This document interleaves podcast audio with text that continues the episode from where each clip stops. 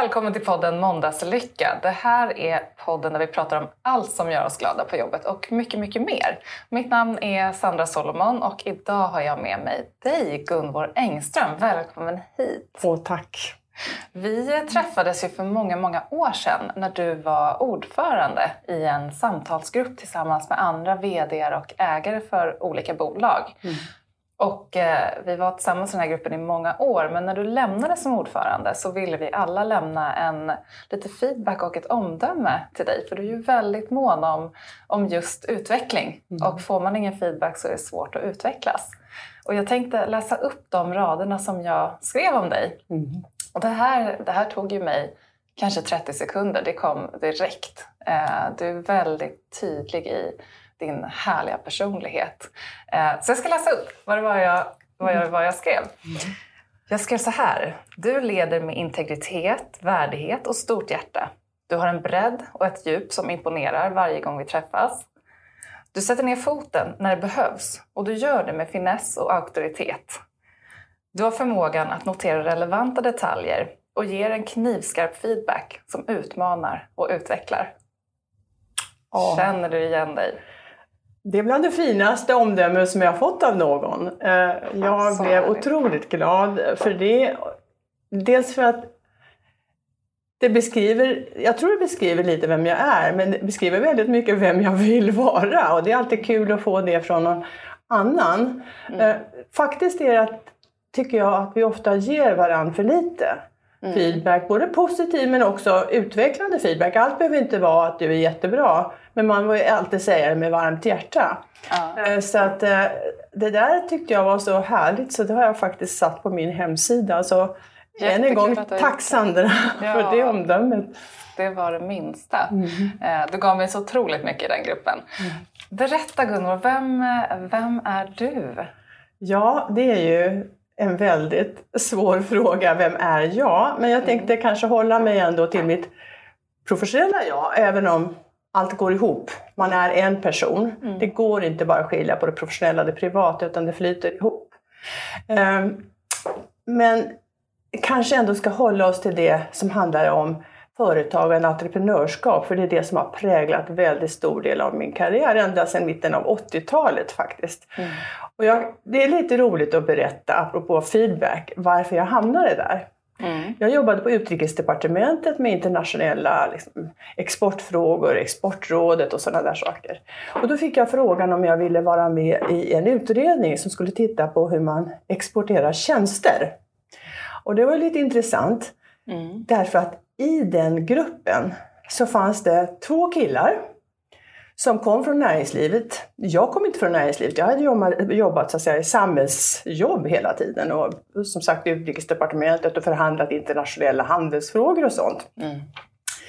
Och det innebar också att jag måste besöka väldigt många företag, för vilka är det som ska exportera? Det. det är ju företag. Mm. Så det var det som ledde mig in i näringslivet och företagarfrågor.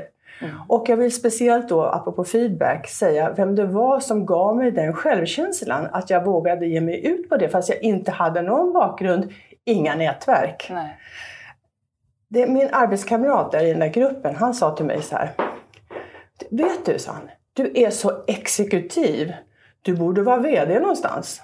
Mm. Och i min värld, Ingen hade någonsin kallat mig för exekutiv. Möjligtvis hade de sagt att jag var duktig och effektiv och ja, duktig flicka. Sådär. Och att du borde vara VD någonstans. Jag hade aldrig tänkt på mig i den rollen. Mm. Men när han sa det till mig så, alltså, så min självkänsla växte och det gjorde att jag vågade mig ut mm. i, i näringslivet. Vilket jag gjorde sen och hoppade av Utrikesdepartementet och blev VD för en tankesmedja kring de här typen av företag, tjänstekunskapsföretag. Mm. Så ett ord från någon kan betyda att hela ens liv kan förändras. Vad otroligt ja. viktigt det är. Ja. Det är just de där, och det är därför det är så viktigt att komma ihåg att ge varandra feedback. Eh, jag har ett, ett eget exempel som, eh, som satte sådana fantastiskt fina spår i mig och som verkligen har triggat min utveckling. Ja. Eh, I mitt första jobb så jobbade jag tillsammans med en kvinna som heter Lotta eh, som är en god vän än idag. Mm. Eh, hon lärde mig allting. Jag var precis nyexad och hon lärde mig eh, att köra löner på det företaget. Mm. Eh, och jag var där i ett par år och sen så gjorde vi ett arbete där vi, ehm, vi byggde upp vårt eget personliga varumärke. Ehm, och då gav alla kollegor feedback till att då ta fram, man fick som en tagline om hur man var. Och det byggde då på input från vad kollegorna hade sagt. Mm. Och sen så bakade de ihop det här då till en sammanfattning om hur man, hur man är, som, vad man har för personligt varumärke. Och hon använde en formulering eh, som, där det stod att Sandra, det här låter jätteuppblåst, Nej, nej, var inte rädd för det. men det, då skrev hon att Sandra är en stjärna på uppgång. Ja, Och det här var ju alltså 2009. ja. och nu är Och du en stjärna på riktigt. Du är där. Nej, men det är häftigt för den, liksom, den har alltid funnits med mig. Att hon såg någon Ja. potential och det gav ju mig eh, jättemycket kraft och har ju varit ett bränsle för mig. Det, det har varit otroligt viktigt. Eh, och det där brukar vi skoja om liksom än idag. Men tänk vad det sätter sig. Mm. Och just det där, jag vet inte om du har sagt det till henne vad det har betytt för dig någon gång. Har du gjort det? Jag har gjort det. Jag visste inte först att det var hon som hade, för man fick inte veta vem Nej, som hade sagt vad. nej. Men hon berättade det sen att det, det var jag som, som skrev det. Ja, Ehm, så hon vet verkligen hur... för de personerna glömmer man aldrig. Så den här Nej. personen, nu är han dålig, sjuk, Mm. men jag hann bjuda ut honom på lunch, eh, för det var några år sedan vi jobbade ihop, vi har haft Mm. kontakt, men det jag talade om för honom, vet du att du är den person som jag kan säga har betytt mest för mig i min karriär. Mm. Ja, han såg mest lite förvånad ut. Men, men hur man ändå ska ta tillvara och tacka för den som har sagt det. För det kan ju också vara motsatsen. Ja. Jag antar att du har upplevt det också. Att någon har Oh, sagt ja. Mm. någonting förfluget som du har tagit, kanske i onödan, men tagit till dig väldigt mycket. Ja.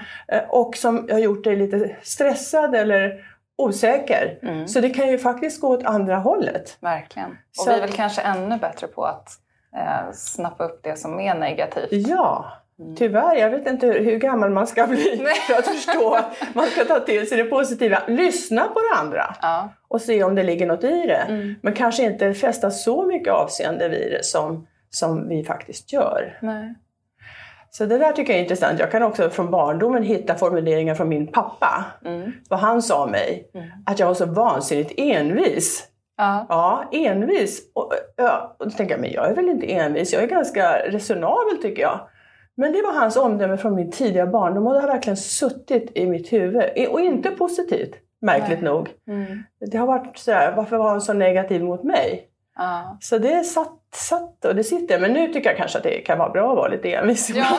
ja, det kan det definitivt Ja, så vem är jag? Det var så det började. Men sen efter det så har jag jobbat väldigt mycket med olika närings, näringslivsfrågor, företagarfrågor från väldigt många olika positioner. Så Mm. jag har ju både jobbat i regeringskansliet som chef till exempel för näringspolitiska avdelningen där jag hjälpte till att plocka fram vilka regelverk man kunde förändra för att förbättra villkoren för företagande. Mm. Jag var under en period Svenskt Näringsliv och det var där entreprenörskap började användas, det ordet. Eh, Jaha. ja, det återkommer vi till sen Ja. senare. Jag har varit VD för Företagarna och jag har drivit eget företag. Så jag har haft många olika roller kring just företagarna. Så det är den fråga som jag har varit närmast mig. Och nu, nu jobbar jag att hjälp, med att hjälpa människor som driver företag och även andra, till exempel styrelseledamöter, Mm. att hitta sin väg inom det här. Så att nu är jag mer en, liksom försöker dela med mig av mina erfarenheter och ställa frågor och sätta mig in i andra situationer för att hjälpa andra vidare. För nu, Mm. jag jag syns inte jag avslutat min karriär men på den där vanliga vägen utan nu är jag mer ute för att hjälpa människor. Mm. Och du har, ju, du har ju verkligen en, en unik bakgrund med eh, som landshövding i Blekinge Mm. och som du berättade, du har drivit, eget företag med, Mm. var det tio anställda ni hade? Mm. Du eh, har varit VD i Företagarna, Mm. du, har väldigt, du har och har haft väldigt många styrelseuppdrag. Mm. Eh, så att din samlade kompetens är ju, är ju ganska unik. Jag tänker att du måste ju vara ett perfekt bollplank. Det har det ju varit för mig. Ja, jag har många olika erfarenheter från olika miljöer och, och då träffar man väldigt mycket olika typer av människor och, och varit med i olika situationer. Så man kan hitta kombinationer av det där för att eh, ändå vara ett bollplank till andra människor. Det tycker jag är roligt. Och numera så tycker jag att det är jag har ju haft jobb där man bara ska prata och mm. entusiasmera och stå där på scen och få alla entusiastiska. Ja. Jag har tröttnat lite på det. Ja. och också faktiskt åt andra hållet. Men, så nu tror jag mycket på det där samtalet. Mm. Mm. Att man lyssnar till varandra, mm. reflekterar. Och eh, när man har reflekterat så svarar man. Och så lyssnar den andra. Och så, liksom, så att det finns jag säger något, formulerar något, jag lyssnar något och det finns en tanke emellan. Mm. Så det är det jag kallar att samtala. Mm. Det tycker jag nästan har försvunnit. För nästan allting går ut på antingen ska jag sitta som publik och lyssna på någon som ska inspirera mig. Mm. Och visst, jag kan bli inspirerad för stunden men det försvinner för att jag formulerar mig aldrig.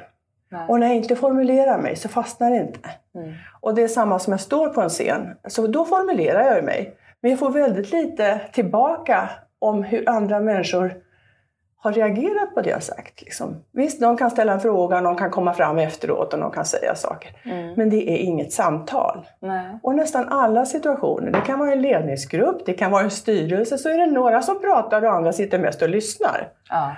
Eller så är det frågor och svar. Ja någon frågar och så ska jag svara. Men det är heller inget samtal. Så det är det som intresserar mig. Och det var det vi hade i vår grupp. Ja, just det här samtalet som vi bedrev i den här gruppen mellan er som var deltagare. Min uppgift var ju snarast att, så att säga, hjälpa till att formulera frågeställningarna och se till att samtalet handlade om det det skulle handla om. Mm. Så att det inte flöt ut. Det kan lätt mm. flyta ut och bli ofokuserat. Ja, verkligen. Ja, men eh, det var ju så fantastiskt hur det fungerade. Men det är intressant att höra hur du upplevde det som satt i gruppen. Jag upplevde verkligen det samtalet helt unikt. Ehm, det kan ju låta lite märkligt att ha ett samtal i en liten styrd modell. Mm. Ehm, men vi var ju, jag tror vi var 17 eller 18 när vi var som flest och ju... Till och med 19 när vi var som flest. Ja, men alla var, var inte där samtidigt nej. alltid. Nej. Och det var ju jag menar, VD och ägare av bolag och då mm. har man ju ofta eh, ett ordentligt driv och man tar för sig. Mm. Och, och, då kan man ju bara tänka sig det i ett rum med 19 sådana kvinnor. Mm. Eh, men du faciliterade ju det här samtalet enligt en, en modell mm. som gjorde att alla verkligen kom till tals. Eh, det fanns en struktur för hur man förde det här samtalet mm. och det fanns en struktur för hur man behandlade de frågor som togs upp. Mm. Och det gjorde ju att vi fick en alldeles, eh, det blev ett alldeles unikt utfall i de saker som vi faktiskt pratade om. Ja, för att dels var det ju då att ni hade någonting substantiellt att diskutera. Mm. Och ni tvingades formulera vad det skulle handla om, vilken ja. fråga det gällde. Så det kräver ju, jag tror det här med att formulera sig, jag återkommer till det, är så viktigt, antingen i ord eller i skrift. För när man gör det, då börjar man fundera på vad är väsentligt. Så att ni som skulle dra era frågor, ni så att säga, tvingades att formulera vad är det egentligen, vilket beslut är det jag står inför, vilken mm. situation är det jag har idag. Mm. Och så fick man ställa frågor som, till dig, till exempel om det var du som hade frågan. Mm. Så att man verkligen förstod vad det var. Mm. Följdfrågor. Och då var det så ganska spännande att nästan i de där frågorna och de svar som du tvingades ge ja. så, så syntes vägen så tydligt. Mm. Så sen kom vi till ett avsnitt om erfarenhetsutbyte, vad jag upplevde. Inte det här, du ska gå till den konsulten eller du ska göra det och Nej. det. Utan jag har varit med om något liknande och då blev det så här och min erfarenhet är så här. Mm. Och så lägger man det ja. på bordet som en gåva. Ja. Och sen samlar man ihop de här frågeställningarna, det man själv har kommit fram till när man har formulerat sina svar och sin problemställning mm. och erfarenhet. Så går man hem med en handlingslinje. Mm. Och det, det som var så häftigt tycker jag var att erfarenheterna var ju otroligt värdefulla att ta del av. Men det mest värdefulla var ju faktiskt det man fick med sig på pappret när man gick. Det var ju alltid en som skrev ner alla frågor som ställdes om problemet. Mm. Och det var ju där svaren fanns. Mm. Så att erfarenheterna från andra kunde ju definitivt hjälpa till. Men det var ju mm. listan med frågor från de andra deltagarna alltså, som, som var värdet. Det är så intressant. För det växte fram så småningom. Mm. Att det var just de där frågorna och hur du valde att svara på de här frågorna, att det var den viktiga delen. Ja. För man tror ju gärna att det är den andra delen när man ska ge tips. Ja. Och det här tycker jag är så intressant. Det blev verkligen så. Och det var ju helt konfidentiellt så att alla kunde ju verkligen ge av sitt innersta. Det man Mm. inte vågar säga till någon annan, det sa man i den här gruppen. Mm. Så det där tog jag med mig lite. Det var en underbar upplevelse och det är så jag försöker jobba idag med samtal när jag har kunder och det kan vara entreprenörer eller det kan vara styrelseledamöter. Att det handlar om samtalet, det handlar om frågeställningarna, det handlar om hur man formulerar svaren, hur man formulerar vägen framåt. Den visar sig Ja. när man pratar på riktigt. Ja. När man inte försöker sälja på någon en lösning, en idé man har.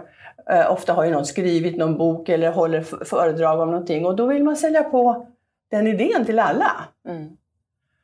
Och den funkar inte för alla, för Nej. alla är i en unik situation. Så att jag tror det här att man, sitter, man kan sitta i grupp, det fungerade väldigt bra. Jag funderar faktiskt på att starta en ny grupp Ja. kring detta. Skriv upp mig. Men, du är given.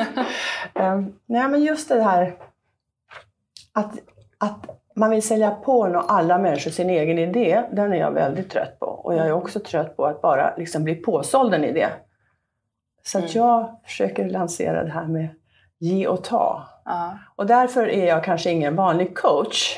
För då får man inte delge sina egna erfarenheter särskilt mycket. Nej, Men det gör jag gärna Ja. och det är ganska ändå efterfrågat. Ja. Jag vet inte.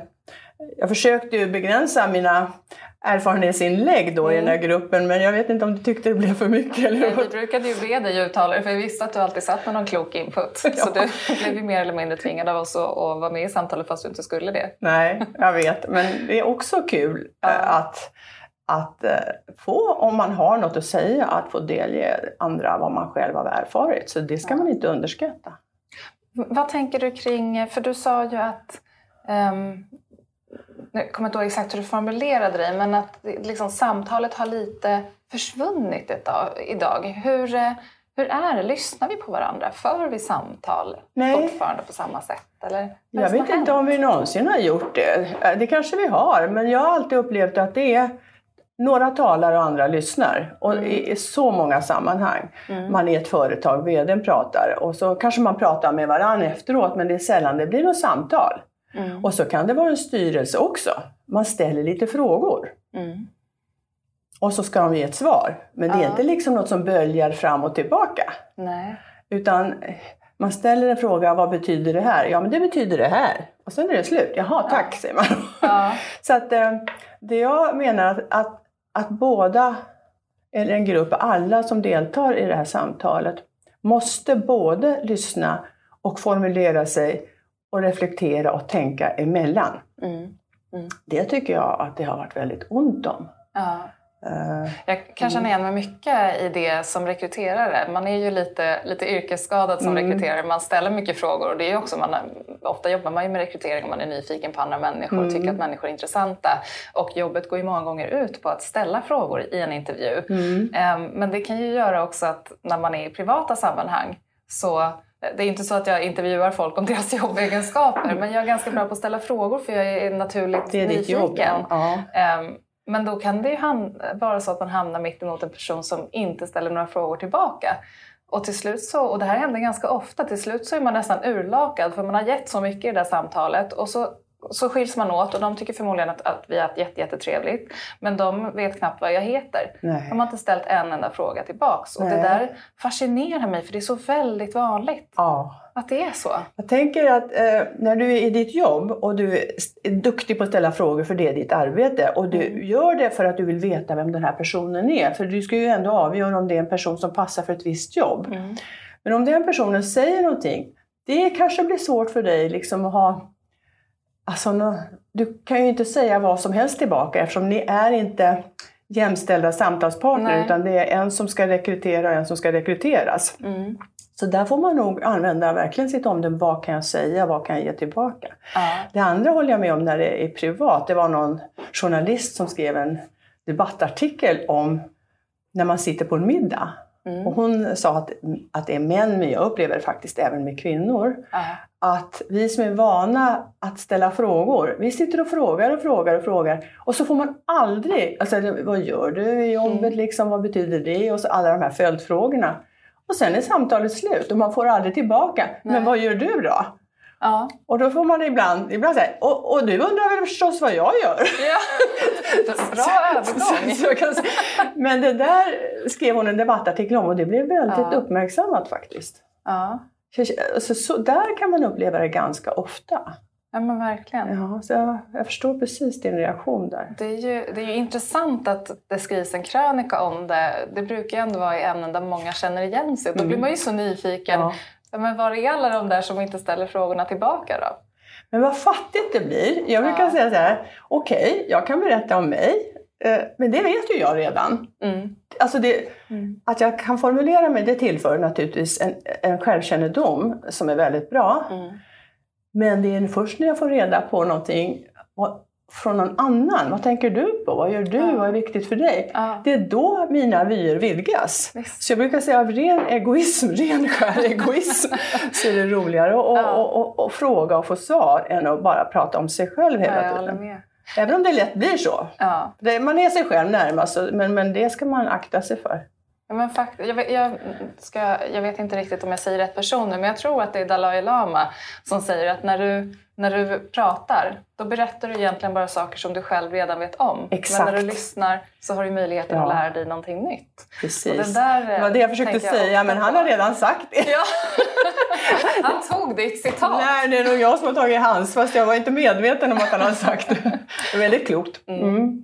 Jag tänker som eh, flera av våra lyssnare är ju personer som sitter på eh, ledande befattningar och har personalansvar. Mm. Och då har man ju många viktiga samtal med sina medarbetare. Mm. Och, och, det är ju allt ifrån kanske veckovisa one-to-ones till att man har utvecklingssamtal Mm. och, och, andra typer av samtal som är viktigt både för, för individen och för företagets Mm. utveckling. Om du skulle ge tre råd eh, till de personerna hur man faktiskt får till det där samtalet som är så viktigt, Mm. hur gör man?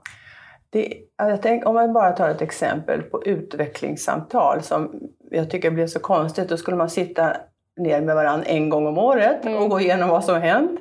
Och egentligen handlar det mest om att chefen ger med medarbetaren någon form av feedback. Mm. Och sen fanns det ju väldigt många som blandade ihop det med lönesamtal så det blev väldigt så här, uppifrån ner. Mm.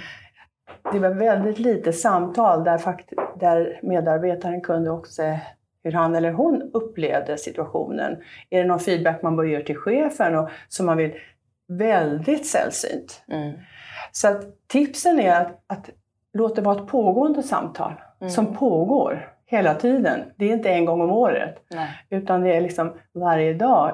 Sen kanske man inte kan ha långa samtal varje dag men en liten mening, Mm. en liten fråga, Mm. hellre en fråga Mm. eller ett påstående. Hur är det? Är allt okej? Liksom, är det något du känner att du behöver prata om? Mm. Och ha det pågående så att det inte kommer som överraskningar. Sen tycker jag att det är bra att då och då sätta av en längre tid eh, för att verkligen man kommer närmare. För att komma varandra nära på livet, det tar lite tid. Det gör man inte på några minuter.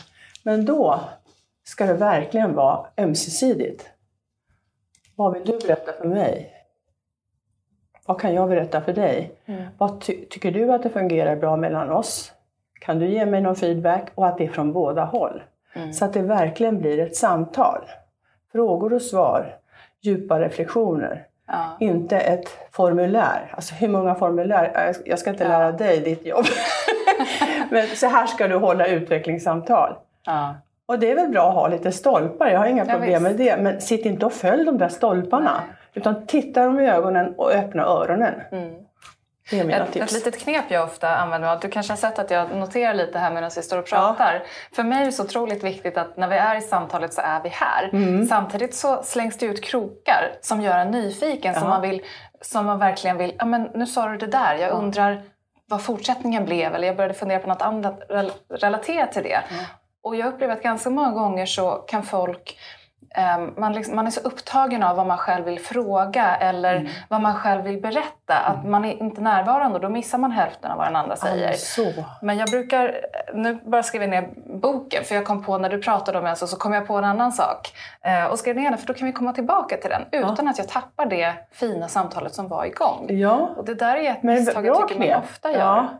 Att man För att liksom- ibland om man då kommer på något annat så... Det, jag vet inte om det är en kvinnlig egenskap, men jag har absolut det draget att jag associerar fritt iväg Ja. och sen ska man försöka hitta tillbaks till vägen. Ja, Men det var ju ett väldigt bra knep du hade där, att man liksom skriver ner det så återkommer man Ja. till det.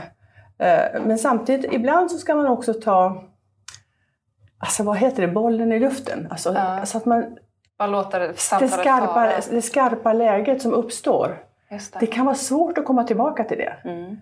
För ibland så kanske de inte ens kommer ihåg att de har sagt det. Nej, precis. Men det där du sa, sa jag? När då? Ja. Vadå? Ja. Men, så det där, men det är alltid så tycker jag i livet, att när ska jag ta situationen som uppstår precis här och nu Ja. och när ska jag avvakta? Ja. Som om man har en konflikt. Jag har ju alltid varit sådär att har varit rätt snabb i livet och snabb i repliken och eh, vill säga saker och ting direkt. Mm. Men det har jag lärt mig längs vägen. Man lär sig lite längs vägen att om det är någonting allvarligt så vänta ett tag. Det kanske inte är så farligt. Du hinner reflektera, du hinner tänka, är det här så hemskt som jag reagerade? Mm. Och det kanske är. Mm.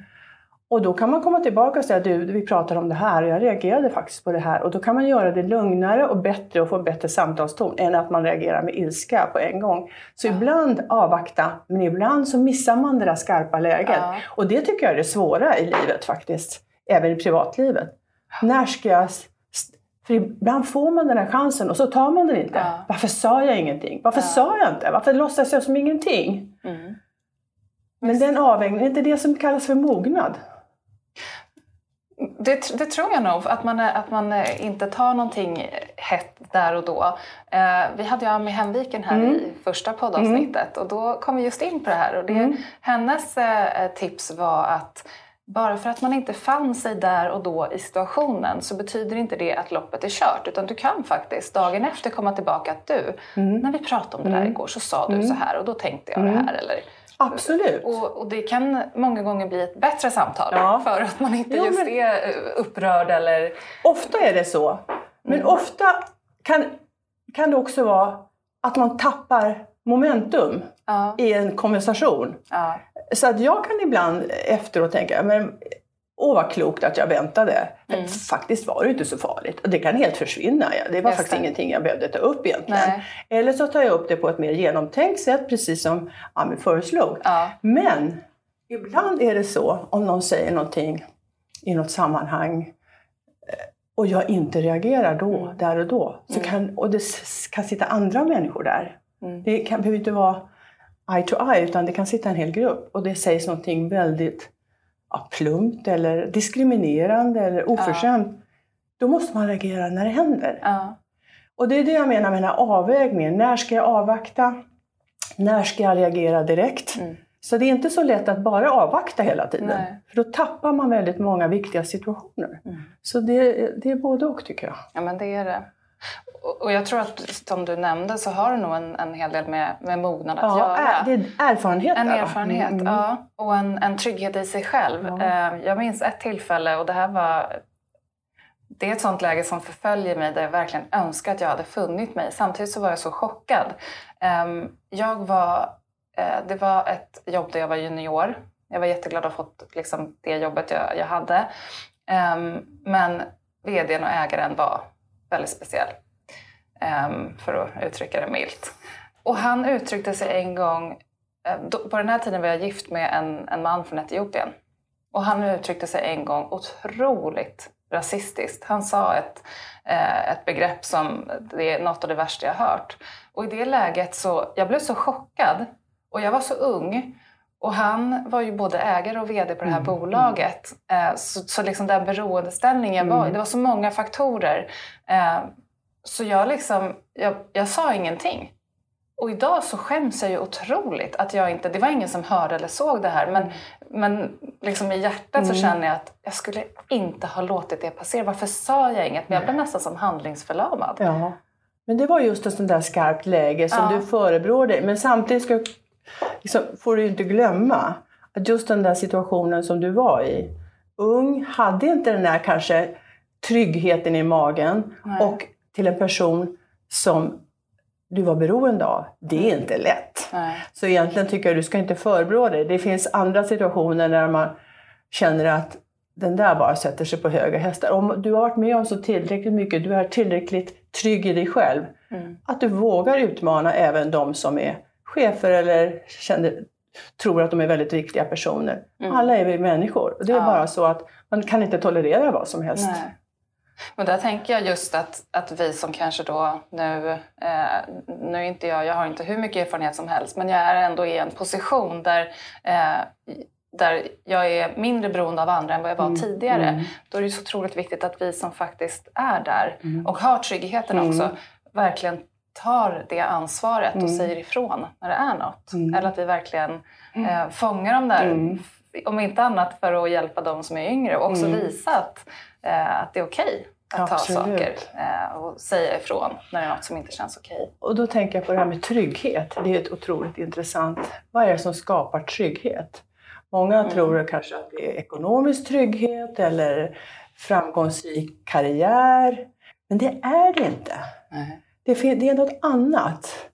Ehm, Det är någon liksom att jag är den jag är och om jag inte kan vara här Mm. eller om du inte gillar mig eller om du inte vill höra på mig så finns det andra vägar för mig. Mm. Att man inte ser att det finns bara en väg. Just det.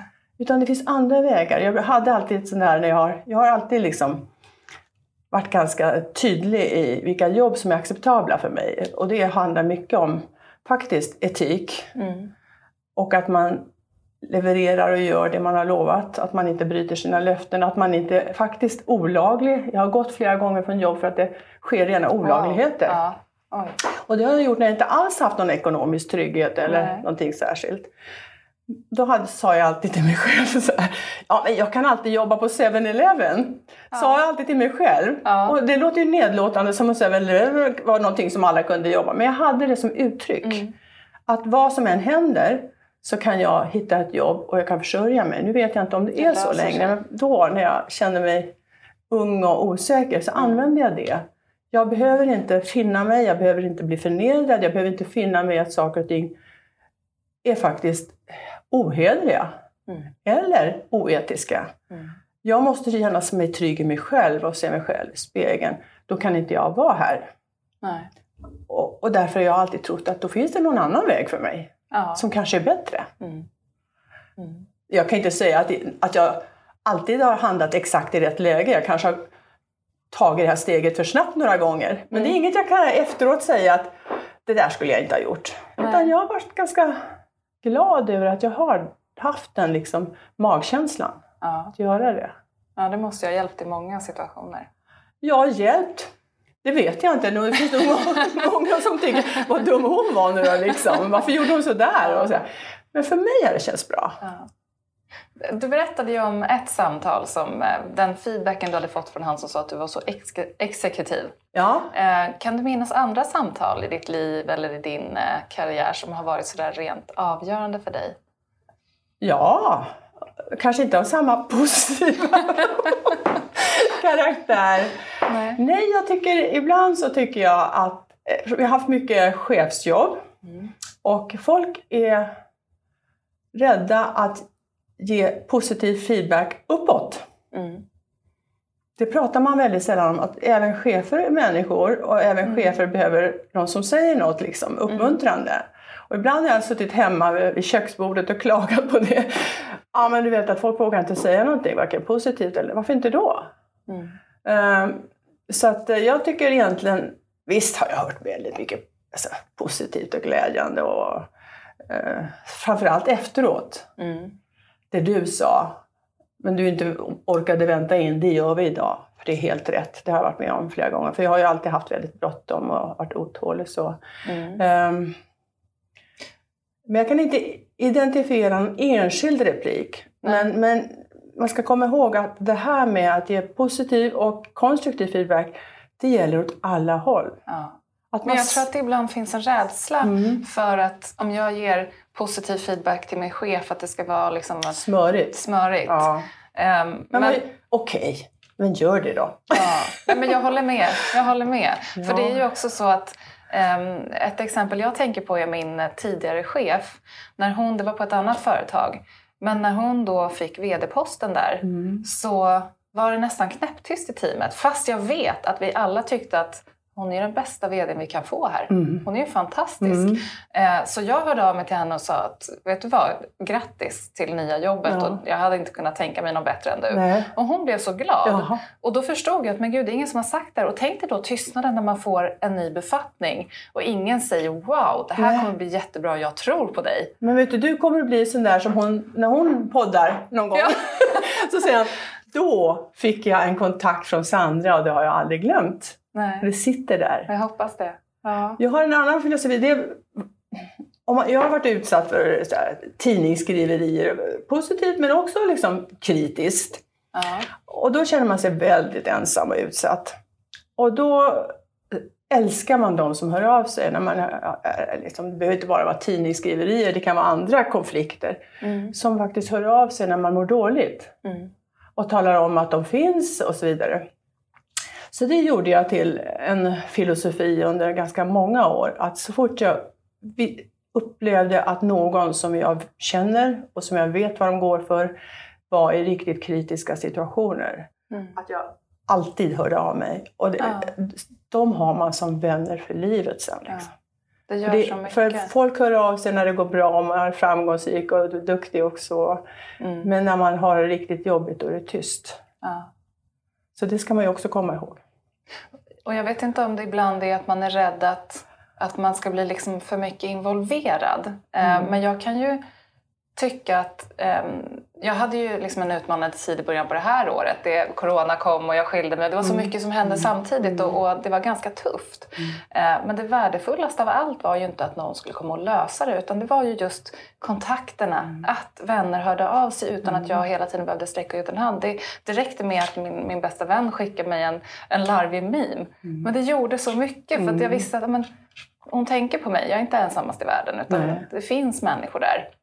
Precis. Så att de här små handlingarna och bara höra av sig och visa att jag vet att du har det tufft men jag har inte lösningen. Nej, men, men, men jag ser jag, jag hör då dig. ge dig lite, det har jag gjort förut men jag kan göra det här också, hur otroligt bra du har varit på att dela med dig av att du har haft jobbiga stunder och hur du har formulerat det.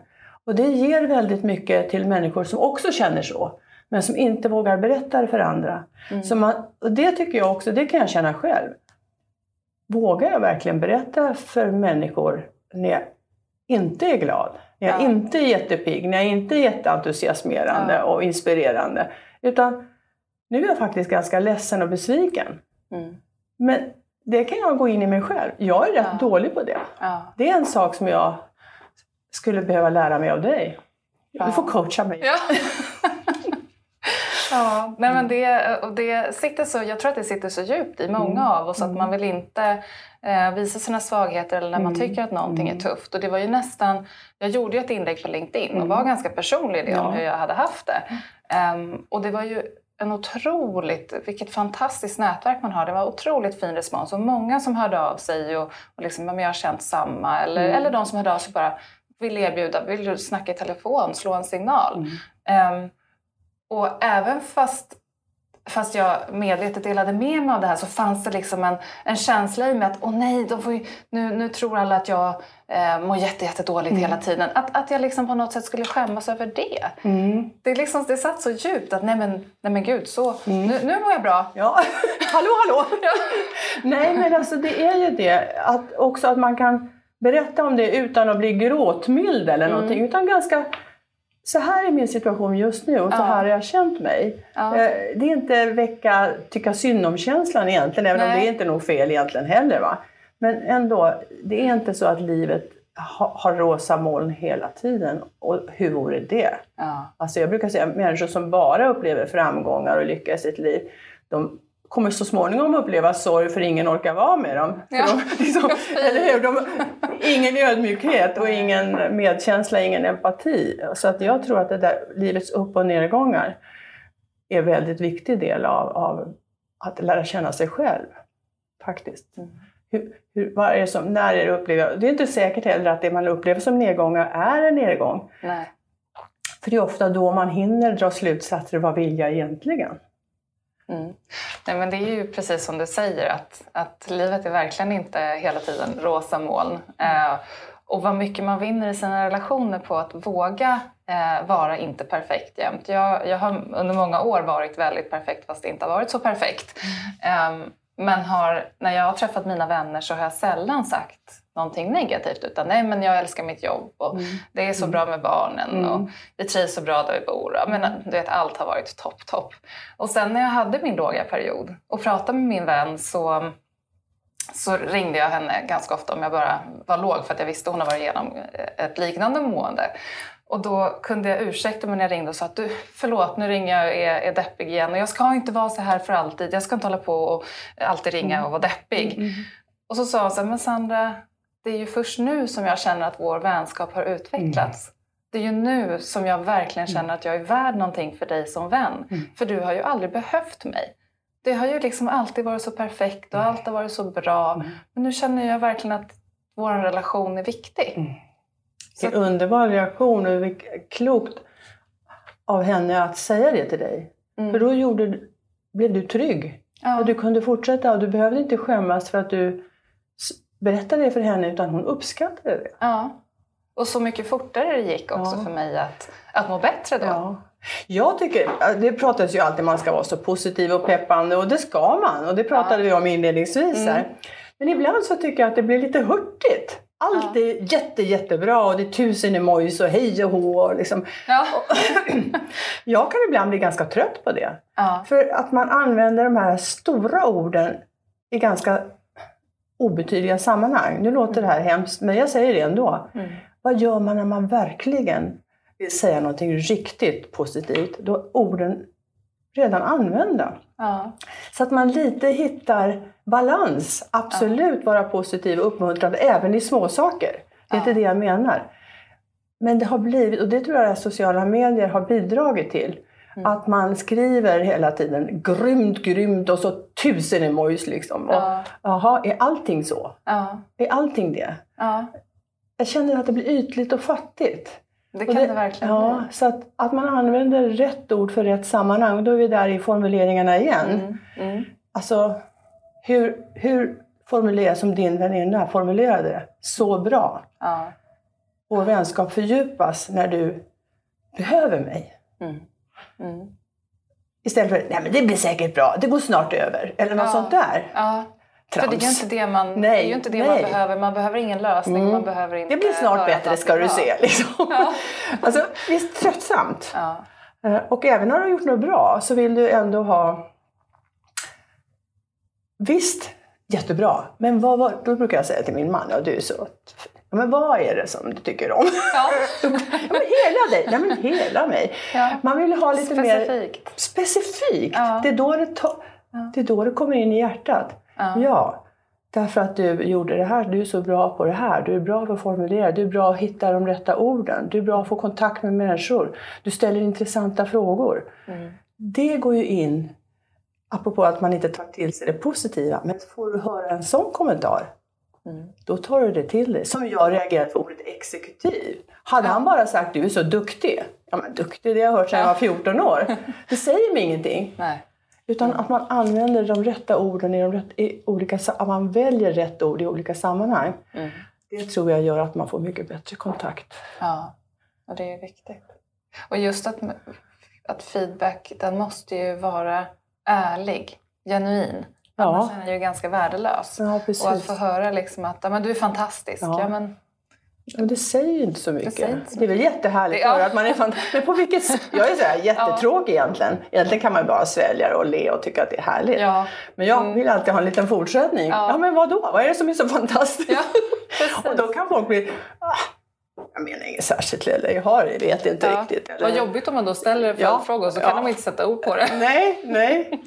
Så att eh, när man berömmer eller när någon är, behöver en, att man försöker ändå identifiera mm ord som betyder någonting. Mm. Och det är det jag menar också med det här samtalet, att, att det är inte bara jag ska berätta någonting mm. och så får du sitta och lyssna och bli glad och inspirerad och gå hem och göra likadant. Nej!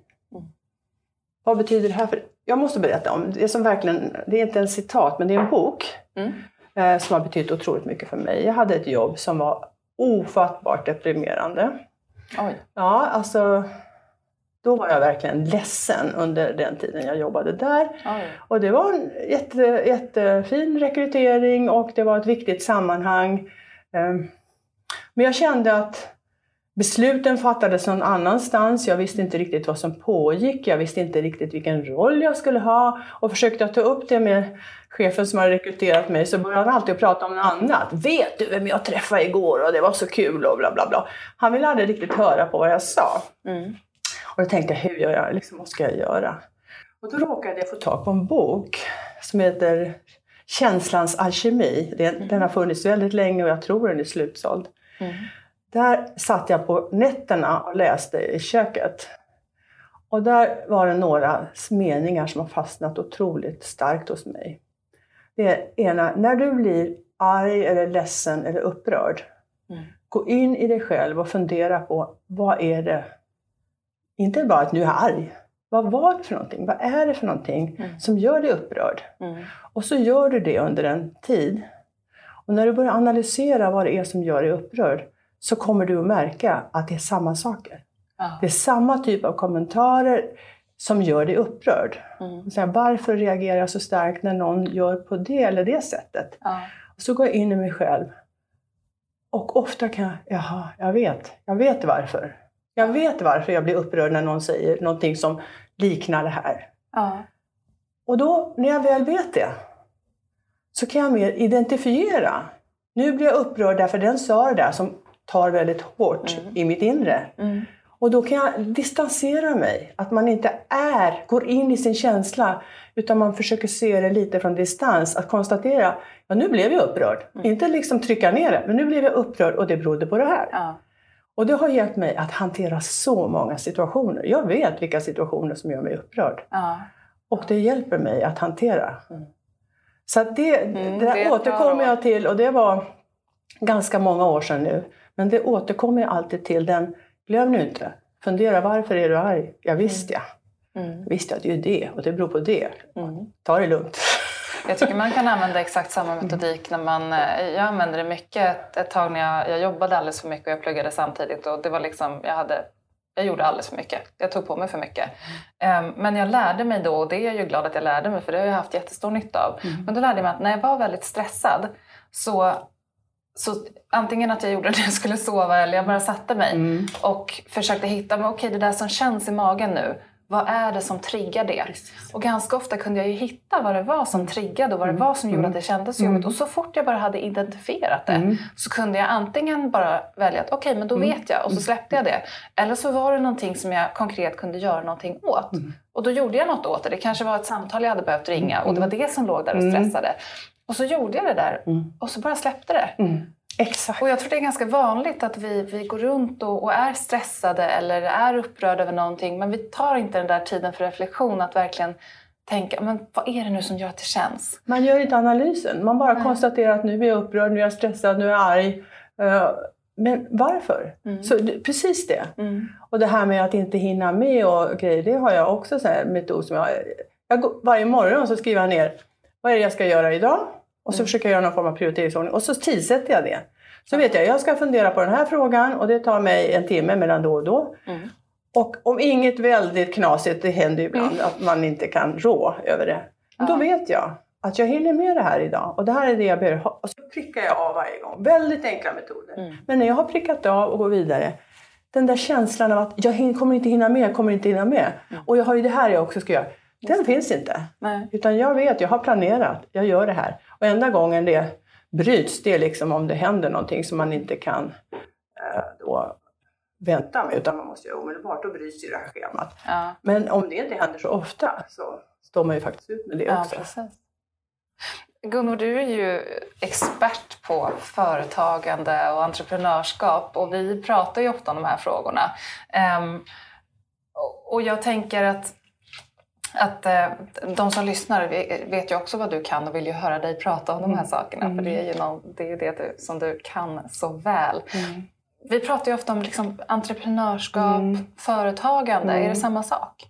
Ja, det är det jag har börjat undra över. Varför ja. har ordet entreprenör blivit så mycket populärt och hot än ordet företagare? Mm. Vi har ju en ganska, som sagt en ganska lång bakgrund kring det här och när jag började jobba med de här frågorna eh, mitten på 80-talet då som jag berättade om. Och då var det väldigt mycket ändå större företag, industriföretag, näringslivet var de stora företagen. Ja. Så småningom så insåg man lite grann så att jaha, alla de här små då, de mm. kanske inte riktigt fungerar på samma sätt och de kanske ändå måste uppmärksammas. Eh, och då började man lite på, från politiskt håll bara titta på Eh, vad har de för problem? Liksom? Och är det mm. någonting man kan göra för att underlätta? För att företag upplever ju väldigt ofta att alla, allting, först ska de göra själva verksamheten, ta hand om sina kunder och det som är själva företagandet. Ja. Sen ska de ju hålla på med all administration och så, så all rapportering. Alltså, det är så mycket när man är liten och man har ingen avdelning som gör något. Utan företagaren och hans fru eller man eller ja. barn eller vad det är, några anställda, ska göra alltihop. Så de är otroligt sönderarbetade egentligen, många mm. av dem. Mm. Och sen, så fort de gör något fel så blev det problem. Då var de skattefuskare och det ena och det andra. Och det är inte så lätt att kunna allt och hinna med Nej. allt. Så det där började uppmärksammas. Jag jobbade ganska mycket med de frågorna och började prata om, om företag och småföretag och vilka regler man kunde ändra. Och men jag upptäckte ändå att man la det som, man använde ordet företagsamhet. Mm. Eller företag. Och då säger varför säger man samhet? Det låter som något abstrakt. Mm. Eh, jag tycker det är viktigt att man observerar att bakom varje företag så finns en människa. Mm. En människa som vill något, som gör något, som ofta pantsätter hus och hem, ja. jobbar dygnet runt. Och ingen ser det egentligen. Ja, kunderna är väldigt tacksamma förhoppningsvis, ja. men det är ingen som uppmärksammar det här. Så att jag drev hårt här att man skulle kalla det för företagsamma människor. För att mm. visa att det fanns en människa bakom. Mm. Och då fick jag då höra att det var ju, oj vad fånigt, vad korkat och så vidare. Mm. Um, men så småningom så lyckades jag få igenom det begreppet. Men sen skulle jag då ut och prata om det här. Jag märkte ofta ändå att det här med företagande, folk blev lite trötta på mm. ordet. Mm. Så då började jag, liksom uppmuntrad kanske av amerikansk forskning och sådär, att använda ordet entreprenör. Ja. Och då betydde det egentligen någon som körde grävskopa eller gjorde något bygge, alltså på entreprenad. Mm. Så. Ja. Mm. Så även om det är ett gammalt ord, det är ett jättegammalt ord, men, då, men som för, istället för företagare var det ganska nytt. Mm. Sen har ju det, så fascinerande, det har ju slagit igenom otroligt mycket. Ja. Alla vill vara entreprenör, ja. ingen vill vara företagare. Ingen Men för det är det jag tänker ja. är väldigt intressant, att, att företagare låter, eh, har man, eller det kanske bara är min uppfattning, men det låter lite tråkigare. Entreprenör låter som, det är nästan som en, en filmstjärna. Liksom. Varför är det så? Förklara varför, varför, varför känner du så?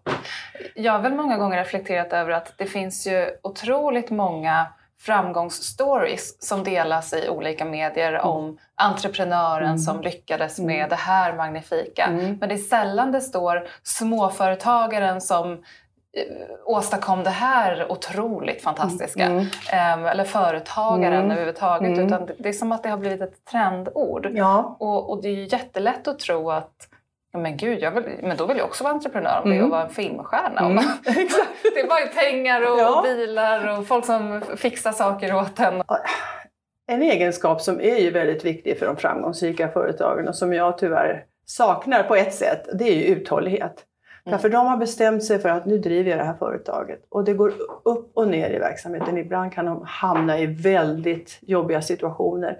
Men de koncentrerar hela sitt tänkande på hur ska jag lösa det här problemet? Mm. Hur ska jag gå vidare? Kan jag göra si? Kan jag göra så? Men de lämnar aldrig tanken på att driva sitt företag. Mm. Och vi har ju många sådana exempel som har börjat. IKEA är givet, H&M är givet. Eh, det finns väldigt många av våra de här långsiktigt drivna företag som ja, drivs av företagare eller entreprenörer på det sättet. Mm. Och det är jag väldigt imponerad av. Mm. Sen finns det sådana som jag till exempel, jag har varit trogen mina värderingar, mina intresseområden. Mm. Men jag har bytt plats hela tiden för att driva det. Det har varit på departement, jag har varit landshövding, jag har varit företagare, jag har varit vd företagare från olika håll. Så mm. ämnet är konsekvent. men inte platsen. Nej. Och eh, en, en riktigt duktig företagare lämnar inte sin plats. Han eller hon är där. Ja. Ja, men jag har ju intervjuat Gudrun Sjödén. Mm. Hon är också en envis dam Ja. som driver sitt företag. Ja. Och det finns ett antal exempel på det. Så att jag brukar säga uthållighet. Sen, kan man vara, sen ska man vara problemlösare, se möjlighet. Men många företagare upplever att varje dag går de dit för att lösa någonting som har hänt. Det är inte så alltid så romantiskt att man nu ska jag vara kreativ. Nej. Att lösa problem kräver också kreativitet. Men det händer någonting och man är där, man är där och hanterar. Man hanterar sina medarbetare, man hanterar sina kunder, sin finansiering och man driver. Mm. Och jag tror jag nämnde för dig en gång att det var så, när jag var liten så fanns det en cykelaffär i närheten när jag växte upp. Mm. Och går man dit idag, Mm. ganska länge sedan, Ja. så är cykelaffären kvar. Wow. Och man är så här imponerad. Oj! Ja. Jag vet ju inte riktigt om det är samma människor, det ser likadant ut. Ja. Det är samma namn. Och det är liksom ändå rätt så imponerande, tycker jag. Ja. Du som har träffat otroligt många företagare, upplever du att, att för det kan ju låta eh, jätteuttröttande. Mm.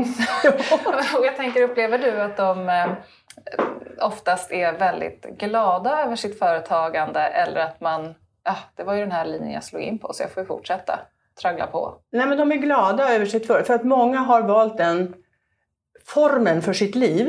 Mm. Den är väldigt viktig. Därför Mm. att de vill ha sitt liv så att säga, i egna händer. Ja. Många av dem passar inte att vara anställda någonstans där liksom någon annan bestämmer och man ska finna sig i det ena och det andra. Utan det är ofta ganska självständiga människor och har valt det som en livsstil. Mm. Så att jag tror det är väldigt få personer av de här riktigt duktiga som ifrågasätter sitt livsval. Mm. Men samtidigt så stöter man ju på saker hela tiden som man måste hantera. Så jag tror att det är precis som vi sa förut, liksom, det är upp och ner. Mm. Ibland är det den känslan som dominerar och ibland en annan känsla som dominerar. Men många ser sitt företagande som ett livsstilsval. Och vad är, vad är livsstilen som företagare? Frihet, Mm. Eh, Det är man ju inte, för man har ju massa åtaganden. Men man upplever ändå att jag har det här i min hand. Mm. Eh, Och eh, jag driver det på ett sätt som jag tror på. Jag har mina medarbetare som jag vill jobba med. Jag är inte utsatt för andras eh, viljor, utan jag kan driva min egen vilja. Och det, det är en, eh, kanske när företagen växer så kommer det in massa viljor och tar man in riskkapital så vill de ha en åsikt och så ska den ha en åsikt. Mm. Och, då tappar man ju lite av det där ändå. Ja. Men just de här mindre som startar och driver, de har ofta den eh, viljan att vara sin egen. Ja. Mm. Och många, ska jag säga, tycker jag ändå säga att många har blivit företagare för de har inte heller sett andra möjligheter. Just det. De har inte Mm. trivts, de har jobbat på ett storföretag, har inte trivts, inte kunnat riktigt anpassa sig.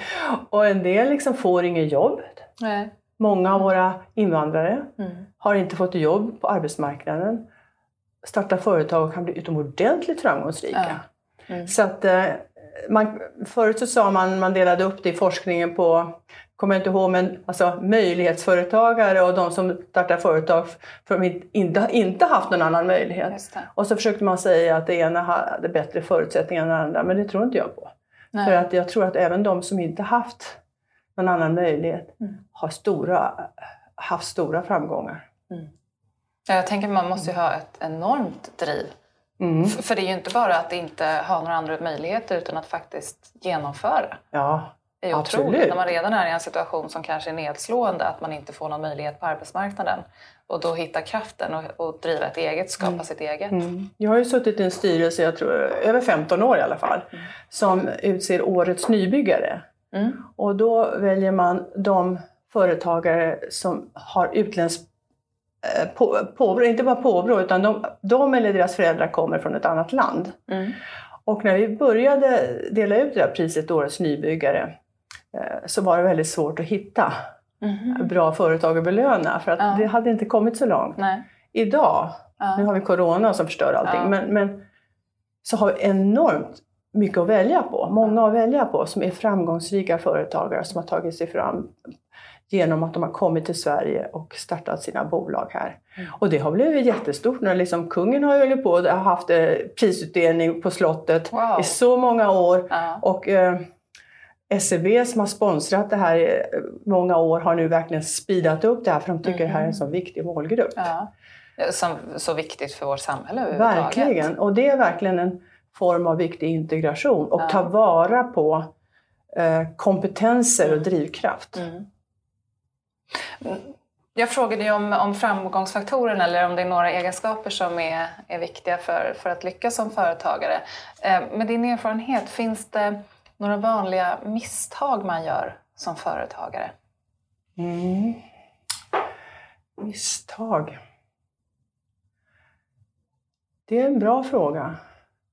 Jag tror att när man startar så kanske man inte tänker på att det är så många andra saker man måste göra mm. än att bara utveckla sin idé och starta någonting och hitta kunder. Att det är så mycket kring mm. som man måste göra. Mm. Så att många kan bli uttröttade av det. Så att, ja. så att någon måste tala om att det, det krävs ganska mycket för att vara företagare. Jag har ju varit inne i ett antal startups också. Mm. Och de är ju väldigt besjälade av sin idé. Alltså de är entreprenörer och de ska, som ska göra det här. Och så ska de ha riskkapital och så vidare. Och så kommer jag in och är en sån här liten tråkmåns. Ja men alltså, det krävs ett skelett.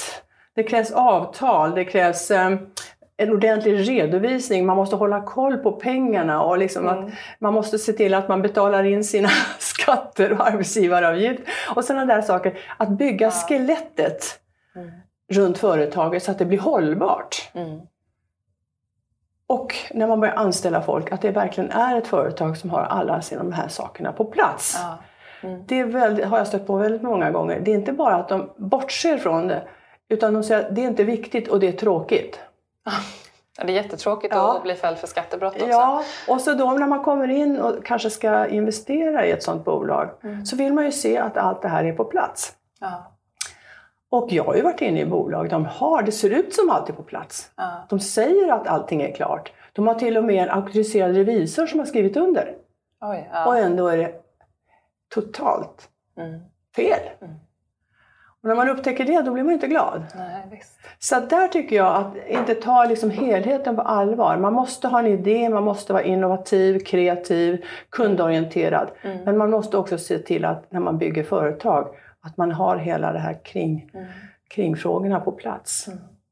Och det finns ju många som kan hjälpa till med det, så det är bara att man förstår ja, hur, det. Hur ska man mm. göra? Hur gör man? Vad är viktigt att tänka på då om man vill se till att ha allt det här på Ja, ordning? man ska, ha en, man ska ha en revisor. Så när man tog bort den här revisionsplikten, mm. plikten är ju inte bra, men man, man, ska inte tro att man inte behöver den hjälpen. Man ja. behöver den hjälpen så att man har ordning på sin redovisning och sina pengar. Man ska se till att man har en bra bankkontakt.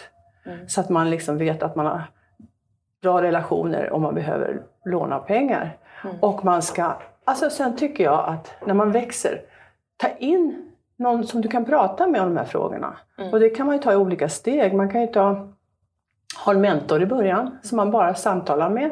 Hur gör jag? Hur tänker jag? Mm. Så småningom kan man ta in flera mentorer, då kan man kalla det för advisory board.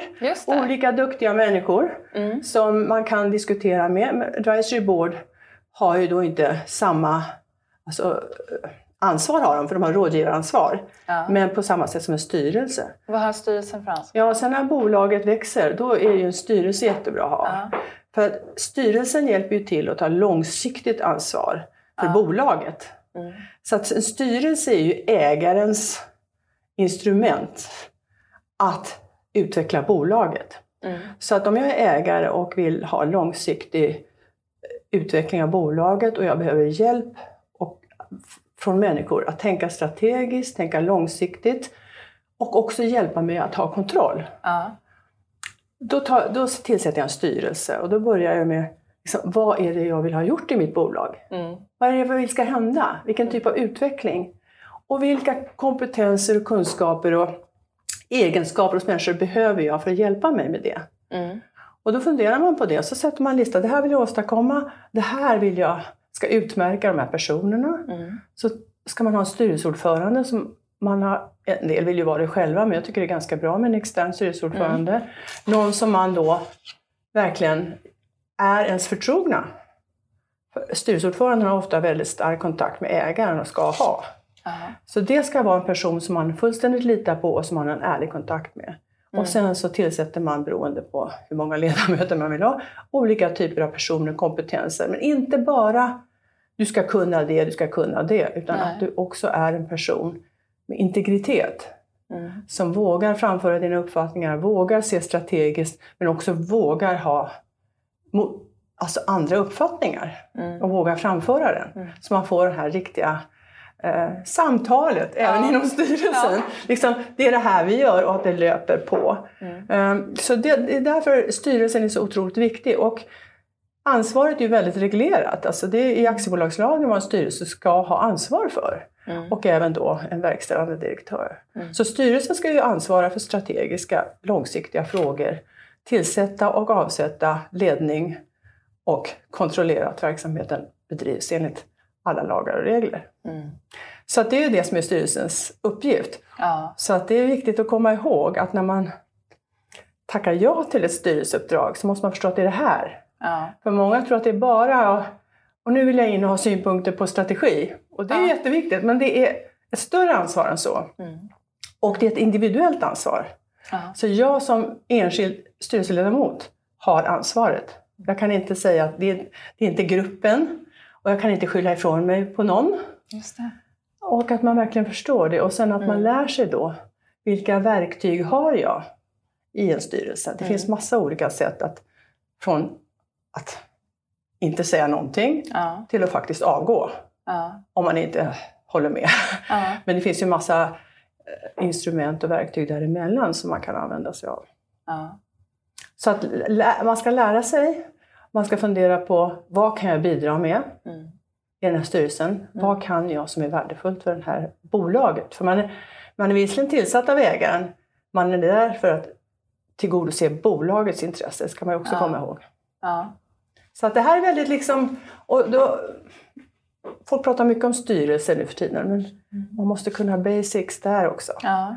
Och, det är så helt olika beroende på vad det är för ägare, vilket skede bolaget är i. Liksom, är det ett ny, nytt bolag eller ett gammalt bolag? Mm. Är det offentligägt, är det privatägt, är det familjeägt? Alltså det, allting spelar roll. Hur ofta ska man byta ut sin styrelse? Ja, alltså man ska ju utvärdera ja. alltid en gång om året och ja. se liksom, gör styrelsen det den ska göra? Och har vi den rätta kompetensen för att göra det vi ska göra framåt? Mm. Och jag tror ju att det, det är inte så att man måste byta, men det är alltid värdefullt att ha en viss rotation. Ja. Tror jag. Så att man ska inte tro att man går in i styrelsen för att sitta där forever. Nej. Så, utan man ska vara beredd på att ge järnet när man är där. Mm. Och sen så kanske de behöver någon annan typ av kompetens efter ett tag. Och det är ingen som man behöver känna sig ledsen eller eh, nedvärderad av. Är din uppfattning att styrelseledamöter och ordföranden är bra på att själva eh, bestämma sig för att nej men, ja, nu bidrar inte jag på bästa sätt här, det är dags för mig att kliva av? Det är sällsynt. Ja, varför är det så? Jag tror att väldigt många idag vill ha styrelseuppdrag för att de vill ha styrelseuppdrag. Det mm. låter bra. Mm. Det är bra att ha i sitt CV och sen ska man inte glömma bort att man lär sig väldigt mycket i en styrelse. Ja. Om den branschen, om hur människor fungerar. Så att ja. Oftast är det ju väldigt eh, givande att vara med i en styrelse. Mm. Men man måste ju också ge något. Mm. Och det är sällan... Eh, det får man ju tänka på själv också. Liksom. Så jag kommer på, nej nu ger jag inget. Mm. Jag har tänkt i några styrelser. Och vad har du gjort då? Nå, ja, men jag har avgått flera gånger. Ja. Men det har inte berott på kanske att jag tyckt att Ja, det, vad som är vad vet man ju inte, men jag har inte tyckt att det jag tycker är viktigt har fått prägla styrelsearbetet. Nej. Och då försöker man ju ett antal gånger och man försöker samordna sig med andra och försöka driva det på alla sätt man kan. Mm. Men om det i alla fall inte fungerar Nej. så har jag inget värde av att sitta där. Jag känner inte att jag vill lägga min tid och jag inte, behöver inte säga att jag sitter i en massa olika styrelser. Nej. Eh, utan då lämnar jag. På det sättet som jag alltid gjort. När jag känner så här, kan jag ge mer här? Ja. Då är jag kvar. Kan jag inte ge mer här så använder jag min tid och min kraft på något annat. Mm. Men det är inte så att... Eh, jo, alltså jag har suttit i en styrelse där jag faktiskt inte tyckte att jag gav någonting. Mm. Och det var en oerhört kompetent styrelse. Mm. Alltså, så att jag kände att jag hade inte så mycket att bidra med. För de var så själva så duktiga som jobbade i den där Mm. verksamheten. Och det fanns väldigt många duktiga styrelseledamöter. Ja. Men jag var kvar där för det var så givande. Det var Ja. själviskt motiv Ja. faktiskt. Det var vä- väldigt lärorikt. Ja. Men jag måste ändå säga vad som hände. Att när jag hade suttit där, så många, många har ju tidsbegränsat, man får bara sitta så många år. Efter det, det antalet år Mm. så lämnade jag för att man fick inte sitta längre helt enkelt. Nej. Och då kände jag så här, ja, jag kommer sakna det men samtidigt var det skönt för jag kände alltid, oh, gör jag någon nytta här egentligen? Mm. När jag då skulle gå efter sista styrelsemötet så rusar vdn efter mig. En otroligt, en av de mest kompetenta människor jag någonsin har jobbat med. Så säger han så här. Tack för den här tiden. Jag har alltid känt sånt stöd från dig. Mm. Och då är det inte vad jag har sagt utan det är mitt kroppsspråk, mina blickar. Ja. Och så, som hon uppfattade som en otroligt liksom, stärkande. Mm. Och då tänkte jag så här, "Jaha, det är inte Ja. det mina skarpa repliker som har varit så viktiga här, Nej. men mitt sätt att sitta runt bordet. Ja. Och efter det så har jag alltid känt mig så glad. Ja, men jag spelade ju en roll där i alla fall. Mm. Mm. Eh, Som någon Verkligen. uppfattade och en riktig person uppfattade. Ja. Så man är inte säker, ibland så tycker man själv att, men gör jag någon nytta? Ja. Och så gör man någon nytta men man fattar inte själv förrän någon säger det. Ja. Eller hur? Det Ja. vi talade om Ja, från men jag känner igen det där. Mm. Det där är jätte... jag, jag minns när vi var med i den här samtalsgruppen, den, den du höll i. Mm. Mina första år, jag menar jag var ju ganska ung och Mm. var ganska nytillträdd som VD. Och sitter i ett rum med nästan 20 andra kvinnor som är otroligt erfarna och framgångsrika och har gjort det här länge och lyfter liksom vad jag tyckte var riktiga frågeställningar om, om eventuella uppköp och allt möjligt som var liksom stora frågor. Mm. Och jag tänkte där i flera år liksom, Ja, ja, herregud, vill de ens ha mig här? För att jag, det var inte så att någon gav mig det intrycket, Nej. men, men jag kände vad, vad har jag att bidra med? Ehm, för jag hade ju inte alls samma erfarenheter. Och, men sen så sa du vid något tillfälle att ah, men du bidrar så mycket. Ja. Och jag förstod liksom inte, vad, men jag har ju inga erfarenheter. Jag har inte så mycket att bidra med. Men, men man ska inte underskatta. Jag kan ju själv veta att i vissa sammanhang så det är ju inte alltid de som pratar mest som Nej. som ger störst förtroende eller, eller ger bäst känsla. Men, det... Men, men ja, när jag sa det till dig, alltså jag, jag vet inte om jag kände att du kände så, men, men det var nog bara min uppriktiga känsla. Och varför tyckte jag att du bidrog så mycket? För du, hade, du deltog. En del ville bara delta när det handlade om dem själva. Mm. Du deltog även i andras frågor på ett väldigt konstruktivt sätt. Ställde frågor, såg intresserad ut och liksom bidrog.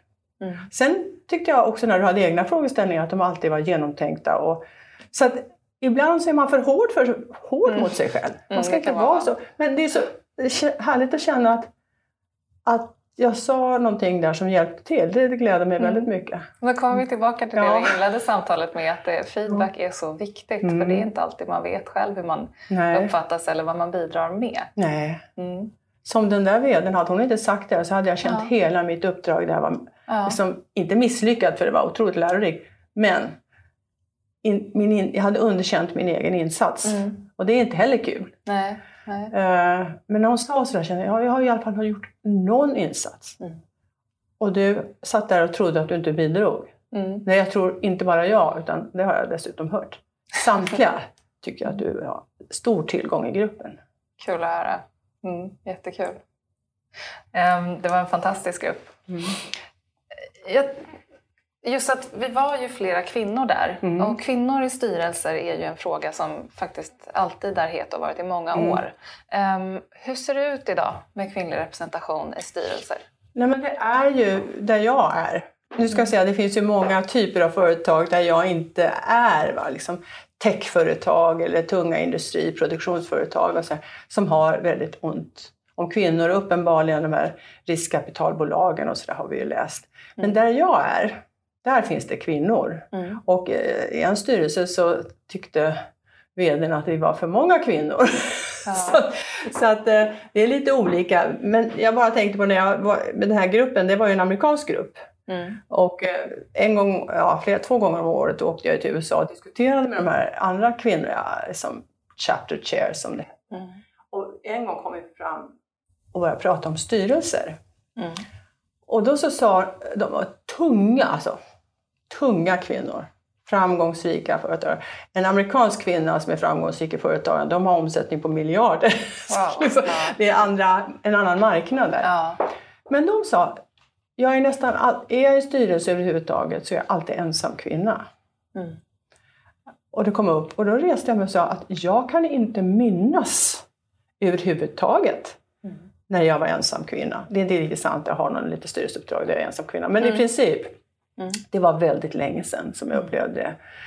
Men det gäller ju liksom ändå, när det kom upp från början, då var det ju väldigt få kvinnor och, Mm. och man pratar om kvotering och sådär. Det. Och, och eh, det stora bekymret där tyckte jag att man letade ju inte ens bland kvinnor. Nej. Utan man letade bara i de gamla vanliga kretsarna, bekanta, andra företagsledare. Alla de här stora industriföretagen de satt ju i sina varandras styrelser allihop. Man tittade inte efter kvinnor. Så när jag var på näringsdepartementet och skulle hitta styrelseledamöter till eh, de bolagen som staten ägde. Mm. Då vet jag att jag satt och tittade på den här Veckans Affärer. Ja, Kvinnor. där var det inte många kvinnor. Jo! Var det det, var, det? det var de fram, mest framgångsrika kvinnorna som de hade listor Jaha. på, där, ja, som de hade startat då. Mm. Då så satt jag och tittade på vilka kvinnor fanns på den där listan, var det någon som var intressant för styrelseuppdrag och sådär. Så att man var ju tvungen att anstränga sig för att hitta dem, hitta dem bra. Mm. Ehm, nu tycker ju en del att det går väldigt långsamt och i vissa branscher går det väldigt långsamt. Mm. Och, men för mig är det viktiga, nu har jag kommit så att jag tycker att det är så viktigt att hitta rätt personer. Mm. Eh, Det är viktigare för mig än Mm. kön. Ja. Men det blir aldrig rätt personer om man bara tittar i en viss grupp. Man måste Nej. titta brett. Ja. Och därför är ju kvinnor självklara. Mm. Men även andra grupper som har något att tillföra. Man pratar om mångfald. Liksom. Mm. Att man kommer från olika situationer och olika verksamheter så att man har något att tillföra. Ja. Och inte bara från samma bransch. Och det Ja. håller ju på att hända i finansiella branschen nu, att man måste vara så otroligt detaljkunnig kring Ja. alla regelverk. Ja. Så det går nästan inte att hitta om man inte tar från någon Just annan bank eller något annat. Så att Mm. man får en samling som är visserligen väldigt kunniga på regelverken, men inte för in andra Just perspektiv. Och det tycker, tror jag kan bli farligt. Liksom. Ja. Men är det, är det lagstiftningen kring det som sätter de Ja, lagstiftningen eller? absolut, mer och mer läggs på styrelsen. Allt Ja. ansvar ligger på styrelsen. Och sen naturligtvis att gör man ett regelbrott i finansvärlden, då råkar man illa ut. Ja. Vi har en finansinspektion och det är ganska grova sanktioner om man gör det. Vi har ju sett det här penningtvättfrågorna. Och jag säger inte att det är fel, man måste Nej. hålla Mm. koll på. Det är viktigt Mm. att man håller koll. Men eh, jag vet inte riktigt det går mot att det blir mer och mer experter, smalare och smalare människor i styrelserna. Och det tycker jag att man måste försöka hitta ett sätt att motverka så att man även har folk från andra branscher som lyfter lite ögonen. Hur tycker du att, vi är ju ändå ett, ett eh, rekryteringsföretag så jag älskar Mm. att prata rekrytering. Hur rekryterar man en styrelse på ett bra sätt? Ja, tyvärr så tycker jag fortfarande att eh, det sker lite slumpartat. Man hör talas om någon eller någon sitter i den styrelsen och någon säger att den är bra. Och Har man ett styrelseuppdrag så blir det lättare för någon annan att ta in en. Så att det är svårt att kanske få det där första. Mm. Ehm, Så att jag tycker att man ska tänka noggrannare på kompetens, leta bredare och mer professionellt. En del har ju valberedningar, men det är inte alls säkert att de som sitter i valberedningar är särskilt kompetenta. En del Nej. är det. Ja. I de större noterade bolagen så är det ju alltid de största ägarna som sitter i valberedningarna, vilket är naturligt eftersom det är ägarens organ. Mm. Men sen kan man ju tillsätta valberedningar som liksom hej och hå ibland. har jag varit med om också. Så jag tycker kanske att det finns läge för att man använder mer professionell rekrytering Mm. för att hitta de mest lämpliga. För det är en viktig uppgift. Mm. Men då många bolag vill, in, många vill inte betala för en styrelse. De vill inte betala några arvoden. Oj. Väldigt låga arvoden. Ja. Och en del tycker att man ska göra allt arbete helt gratis. Och hur ser man då på ett uppdrag? Det kan ju självklart vara en välgörenhets sån fråga och då kanske man Mm. tycker att det är helt okej. Men Mm. om det är ett vanligt vinstdrivande aktiebolag så tycker man att det är rimligt att man ska få en vettig ersättning för det är ganska mycket jobb och väldigt mycket ansvar. Ja. Så ska de betala för styrelsen? Den frågan har jag hört många gånger. Hur mycket ska man betala? Mm. Ja, så det är en förhandlingsfråga. Det finns inga regler för sånt. Men du ska betala din styrelseledamot. Mm. Och så ska man betala för rekryteringen. Då tycker de att det blir för dyrt. Nej, men vi behöver nog inte det. liksom.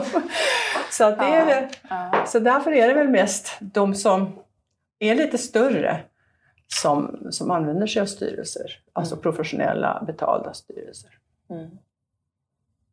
Gunvor, jag skulle kunna prata med dig Mm. hela dagen. Men Ja, jag förstår det. jag tror vi får köra ett, ett andra avsnitt här Ja, längre nej, men, också. jag sa det till dig, vi ska inte hålla på för länge.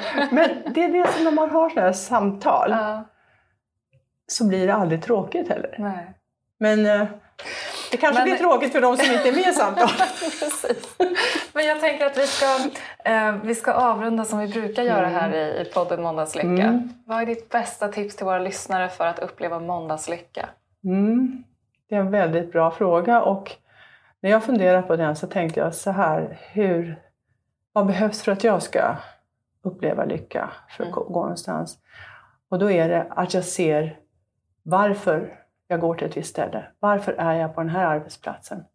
Vem arbetar jag för? Vem är min mottagare av min insats som jag går till jobbet varje dag?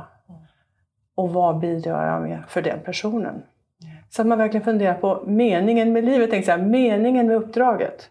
Det har hjälpt mig så många gånger när man känner att det är tristelse. Men det jag gör, jag menar till exempel företagarna. Det Ja. var inte roligt alla gånger. Mm. Det har varit hemska tider en del av det.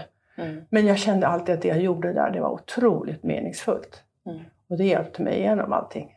Mm. Så det, det tror jag man ska sätta sig ner och fundera på. Det har varit otroligt meningsfullt att ha dig här idag. Du har gett så mycket. Tusen tack för att du var med. Tack Sandra, det var jätteroligt och våra samtal fortsätter. Det gör de.